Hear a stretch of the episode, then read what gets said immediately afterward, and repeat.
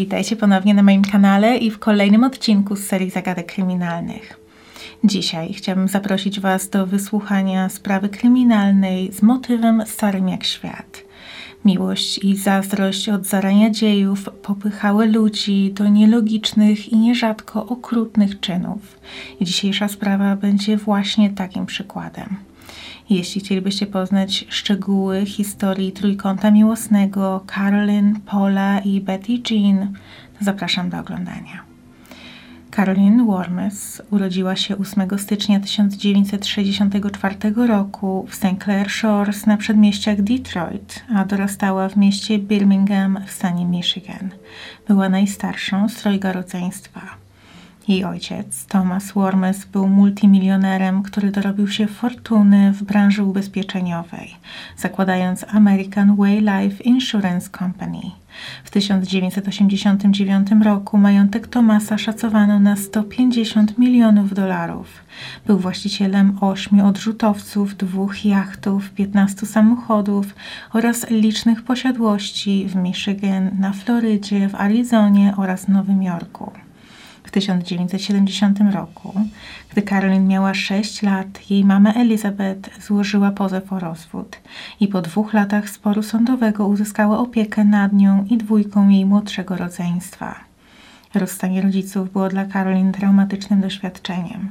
Jej ojciec nie miał dla niej czasu i chcąc jej to wynagrodzić, stale kupował jej drogie prezenty – Niestety, ciągły dostęp do najlepszych rzeczy materialnych i przywilejów zaszczepił u niej przekonanie, że zawsze dostaje to, czego chce i że za pieniądze można kupić wszystko. Dorastając, Caroline zaczęła przywiązywać coraz większą wagę do swojego wyglądu. Była naturalnie piękna, a do tego uwielbiała drogie ubrania od projektantów i niektórzy uszczypliwie twierdzili nawet, że momentami wyglądała jak chodząca reklama luksusowych marek. Oprócz urody, Karolin mogła jednak pochwalić się także ambicją i bystrością. Osiągała bardzo dobre wyniki w nauce, a po zajęciach grała w szkolnej drużynie koszykówki w Seaholm High School. Zdaniem jej kolegów z klasy oraz znajomych jako nastolatka Karolin była bardzo lubiana przez rówieśników i uważali ją za miłą i pracowitą. W 1981 roku dziewczyna zaczęła studiować psychologię na Uniwersytecie stanu Michigan. Następnie przeprowadziła się do Nowego Jorku, gdzie uzyskała tytuł magistra informatyki na prestiżowym Uniwersytecie Columbia. We wrześniu 1987 znalazła pracę w szkole podstawowej w Scarsdale w stanie Nowy Jork, gdzie stała się znana jako świetna nauczycielka, doskonale wypełniająca swoje obowiązki. Caroline była zawsze wyjątkowo zorganizowana i punktualna.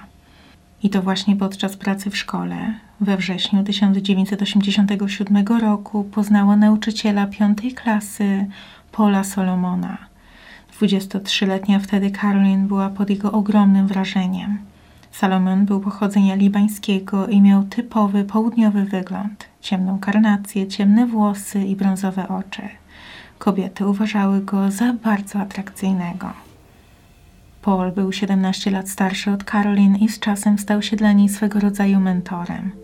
Wziął ją pod swoje skrzydła i można powiedzieć, że wszedł w rolę ojca, ponieważ jej własny nigdy nie poświęcał jej uwagi. Nauczyciel był żonaty. 23-latka wkrótce miała okazję poznać całą jego rodzinę. Żonę Betty Jean i córkę Kristen. Od razu załapała z nimi bardzo dobry kontakt i stała się niemal członkiem rodziny. Zaczęła zabierać córkę Pola na wycieczki, kupowała jej prezenty i traktowała jak młodszą siostrę. Jednak ze strony Pola relacja z młodszą nauczycielką nie była rodzicielska. Karolin spodobała mu się i zaczął dążyć do rozpoczęcia romansu. Ostatecznie współpracownicy zostali kochankami i jak się okazało, nie był to pierwszy romans mężczyzny. Jednak z żoną żyli w otwartym związku i Betty Jean była wyrozumiała w stosunku do jego wyskoków. On miał wcześniej dwa krótkie romanse i podejrzewał żonę o długoletni związek z jej byłym szefem. Na jednej z wycieczek z Kristen, Caroline zwierzyła się nastolatce, że obawia się, że Betty Jean nie za bardzo ją lubi. Dziewczyna próbowała przekonywać się, że jest inaczej, jednak w głębi duszy wiedziała, że obawy Karolin są jak najbardziej uzasadnione. W sierpniu 1988 roku, gdy Paul na krótko przestał spotykać się z 23-latką, ona zwierzyła się swojemu przyjacielowi ze studiów, Ryanowi Attensonowi, że nie czuje się komfortowo w swojej aktualnej relacji.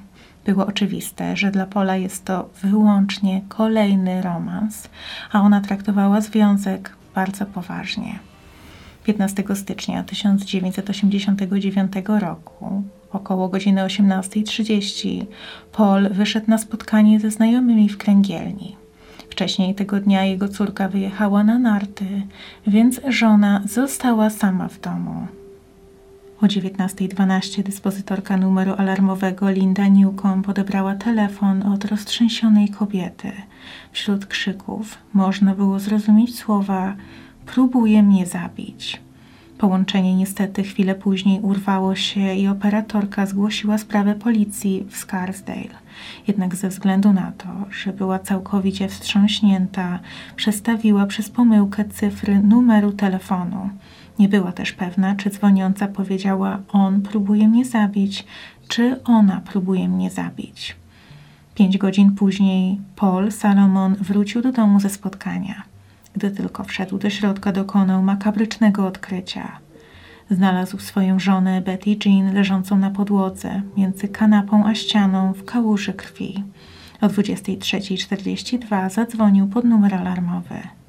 Po przybyciu na miejsce policja ustaliła, że kobieta została dziewięciokrotnie postrzelona z bliskiej odległości w plecy i nogi. Tego typu obrażenia świadczyły o ogromnej agresji ze strony zabójcy. Rozmieszczenie łusek na miejscu zbrodni wskazywało na to, że ofiara starała się uciec mordercy. Krwawy odcisk podeszwy znaleziony na bluzie ofiary wskazywał, gdzie stał sprawca. Pomimo tak brutalnego charakteru zbrodni, w domu panował porządek i wszystko było na miejscu. Podejrzewano, że Betty Jean znała sprawcę, ufała mu i wpuściła go do domu. Pierwszym podejrzanym oczywiście stał się mąż ofiary. Paul był na tamten moment ostatnią znaną osobą, która widziała kobietę żywą. Zapewniał jednak śledczych, że jest niewinny i nigdy nie skrzywdziłby Betty Jean. Gdy zaczęto zadawać mężczyźnie rutynowe w takiej sytuacji pytania dość szybko, na jaw wyszła jego zaskakująca tajemnica. Paul przyznał się do romansu i od razu wskazał osobę, którą on uważa za podejrzaną w tej sprawie. Była to jego była kochanka Caroline Wormes. Mężczyzna dodał, że w tym czasie nie byli już razem od kilku miesięcy, jednak zakończenie ich związku nie przebiegło bez problemów. Dziewczyna, słysząc o zerwaniu, wpadła w histerię. A 2 sierpnia 1988 roku do jej mieszkania na Manhattanie wezwany został ambulans po tym, jak sąsiedzi zgłosili zaburzoną psychicznie osobę. Po tym incydencie 23-latka trafiła na oddział psychiatryczny na 7 dni. A 8 stycznia 1989 roku, gdy Paul zapomniał o jej urodzinach, wpadła w szał. Warto w tym miejscu zaznaczyć, że w tym czasie mężczyzna spotykał się już z inną dziewczyną, Barbarą Balor. Zeznania Salomona wydawały się prawdopodobne, a funkcjonariusz Michael Cotter, który jako pierwszy przyjechał na miejsce znalezienia ciała Betty Jean, stwierdził, że mąż ofiary wydawał się szczerze zrozpaczony. Powiedział, że gdy przewrócił żonę na bok, zobaczył krew i zaczął płakać. Znów zapłakał, gdy ujrzał krew na własnych rękach. Był zrozpaczony i od samego początku przypuszczał, że to Carolyn zabiła Betty Jean. Podejrzenia wobec 25-latki nabrały mocy, gdy dziewczyna zaczęła prześladować byłego kochanka i jego nową partnerkę. Między innymi pojechała za nim i Barbarą do Puerto Rico i dzwoniła do rodziny kobiety, próbując zniszczyć ich związek. Kiedy pojawiła się na jego wakacjach, mężczyzna był przerażony. Powiadomił ochronę hotelu, wezwał policję i jeszcze tej samej nocy wyjechał. 25-latkę wezwano na przesłuchanie, jednak ona również wydawała się zszokowana tą tragedią. Od samego początku podkreślała, że nie ma z tym nic wspólnego. Śledczy postanowili sprawdzić bilingi z jej telefonu i okazało się, że w dniu morderstwa Betty Jean Caroline dzwoniła do Pola i rozmawiali przez aż 55 minut. Dziewczyna powiedziała, że podczas tej rozmowy dowiedziała się o tym, że córka Salomonów wyjechała na weekend i że Betty Jean zostaje sama w domu. Dodatkowo Paul poinformował ją, że dzień wcześniej brali udział w bar mitzwie, co wywołało u Caroline atak zazdrości. Z billingów wynikało również, że podejrzana kilkukrotnie kontaktowała się z prywatnym detektywem Vincentem Parko. Policja postanowiła przesłuchać mężczyznę i on wyjawił śledczym, że Paul nie był pierwszym żonatym, dużo starszym mężczyzną w życiu Caroline. Wyjawił również, że posiadał niezarejestrowaną broń podobną do tej, z której zabito Betty Jean i że pożyczył ten pistolet Caroline Wormes. Podobno dziewczyna powiedziała mu, że potrzebuje broni, ponieważ czuje się zagrożona i wspominała o tym na każdym spotkaniu, aż w końcu uległ i oddał jej swój pistolet. Przyjaciel detektywa, George Peters, dorobił do tej broni tłumik. Parko tłumaczył, że zrobiono to, aby Caroline mogła poćwiczyć strzelanie bez robienia zbytniego hałasu. Inne rozmowy telefoniczne Caroline zaprowadziły policjantów do sprzedawcy broni z New Jersey, który zeznał, że młoda blondynka odpowiadająca rysopisowi Wormes kupiła u niego naboje kalibru 25. Podczas zakupów posługiwała się fałszywym dowodem tożsamości wystawionym na nazwisko Lisy Katai. Była to dawna koleżanka podejrzanej. 2 lutego 1990 roku Karolin została aresztowana, jednak wkrótce wyszła na wolność po tym, jak jej ojciec zapłacił kaucję w wysokości 250 tysięcy dolarów. 14 stycznia 1991 roku rozpoczął się proces. Caroline Wormes wyglądała w sądzie jak modelka i przyciągała wzrok mężczyzn na sali. Cała sprawa stała się medialnym widowiskiem. Telewizje codziennie raportowały postępy procesu i informacje pojawiały się na pierwszych stronach gazet. Tabloidy porównywały tę sprawę do filmu Fatalne zauroczenie, w którym grana przez Glenn Close, redaktorka książek Alex Forrest, ma romans z żonatym prawnikiem i po rozstaniu udowadnia, że nie cofnie się przed niczym, próbując go odzyskać i może posunąć się nawet do morderstwa. W swoim wstępnym przemówieniu główny prokurator James McCarthy opisał Carolyn jako mającą obsesję na punkcie swojego dawnego kochanka. Prokurator przyznał, że nie ma fizycznych dowodów, które jednoznacznie udowadniałyby winę kobiety, jednak poszlaki w postaci billingów telefonicznych oraz zakup amunicji wskazywały na jej winę. Z drugiej strony David Lewis, prawnik oskarżonej, twierdził, że jego klientka została wrobiona przez Pola Salomona oraz Vincenta Parko. Parko zeznał przed sądem, że dzień po morderstwie Karolin zadzwoniła do niego i podobno powiedziała, że była u niej policja, a ona ukryła broń w jednym ze słupków przy łóżku. Detektyw zaproponował, że następnego dnia odbierze broń, jednak Wormes odpowiedziała, że już się jej pozbyła. Obrońca podważył wiarygodność Parko i sugerował, że to właśnie on, a nie oskarżona, zastrzelił Betty Jean na zlecenie Pola, a później wrobili Wormes. Sąsiedzi Caroline, którzy nie wiedzieli o jej wcześniejszych załamaniach nerwowych, w rozmowach z policją mówili, że dziewczyna jest bardzo miła i sympatyczna. Wszyscy w budynku ją lubili i określali jako bystrą, ładną i uroczą. Innego zdania jednak byli, byli znajomi Karolin, których zdaniem dziewczyna była niestabilna psychicznie i wręcz pokręcona. To zdanie podzielali również jej współpracownicy, którzy mówili, że dziewczyna miała kilka osobowości i była, cytat, wariatką. Mimo ogólnego przekonania o winie 25-latki, nadal nie było jednak żadnych fizycznych dowodów mogących połączyć ją z tą zbrodnią, ani nawet żadnych świadków z tamtego dnia. Nie dało się udowodnić, że Wormes była nawet w okolicy domu Salomonów, a tym bardziej, że wchodziła do środka. Kluczowym dowodem w tej sprawie miała jednak okazać się przeszłość dziewczyny. Jej znajomi twierdzili, że od lat Carolyn polowała na starszych, nieosiągalnych mężczyzn, a później prześladowała ich oraz ich partnerki. Znaleziono nawet list z pogróżkami, który napisała do kolegi ze studiów, Paula Lavena, w którym napisała: Mam nadzieję, że podobał Ci się ten ostatni tydzień, w którym Ci nie przeszkadzałam. Bo teraz, kiedy wróciłam z wakacji, możesz zacząć się martwić od nowa.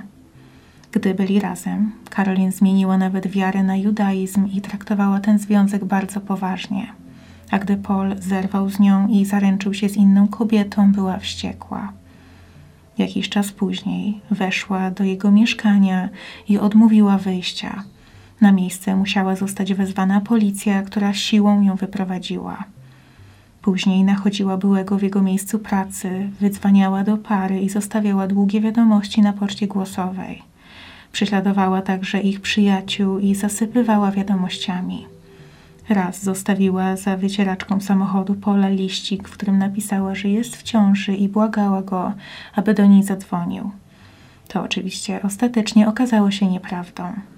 W innym liście wysłanym do narzeczonej Lawena upierała się, że kobieta nie ma szans konkurować z jej bardziej zmysłową sylwetką i świeżo nabytą opalenizną.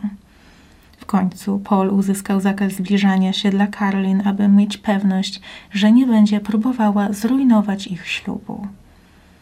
Dziewczyna dała mu ostatecznie spokój i skupiła swoją uwagę na kolejnym niedostępnym mężczyźnie. Zleciła detektywowi Parko śledzenie pewnego barmana z New Jersey, a jego żonie wysłała zdjęcia będące fotomontażem, żeby rozbić ich związek. Te fakty z przeszłości Karolin były bardzo obciążające. Jednak sprawa zabójstwa Betty Jean przybrała obrót na korzyść prokuratury dopiero, gdy Patricia January, pielęgniarka ze szkoły, w której pracowała Wormes, zeznała, że tydzień przed morderstwem Carolyn powiedziała jej, że boi się samotności i że ma broń. Zdaniem pielęgniarki, nauczycielka powiedziała też, że oczywiście nigdy nikogo nie zabije i nie ma amunicji, ale że broń została specjalnie wykonana przez prywatnego detektywa. Dziewczyna w końcu dała mu spokój i skupiła swoją uwagę na kolejnym niedostępnym mężczyźnie. Zleciła detektywowi Parko śledzenie pewnego barmana z New Jersey, a sama zaczęła wysyłać jego żonie zdjęcia będące fotomontażem, żeby rozbić ich związek.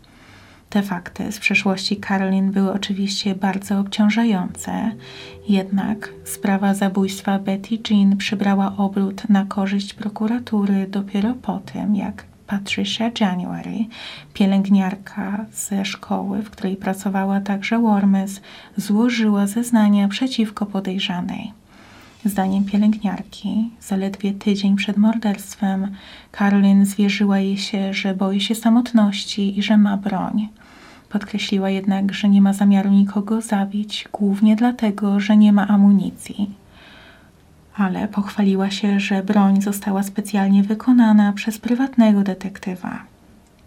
Dotarto również do informacji, że w 1987 roku Wormes brała udział w samochodowej stłuczce, po której napisała do drugiego kierowcy, że to nie była ona i że w dniu wypadku była opiekunem na szkolnej wycieczce w Waszyngtonie i jako dowód przedstawiła list podpisany przez dyrektora szkoły, doktora Richarda Spraga.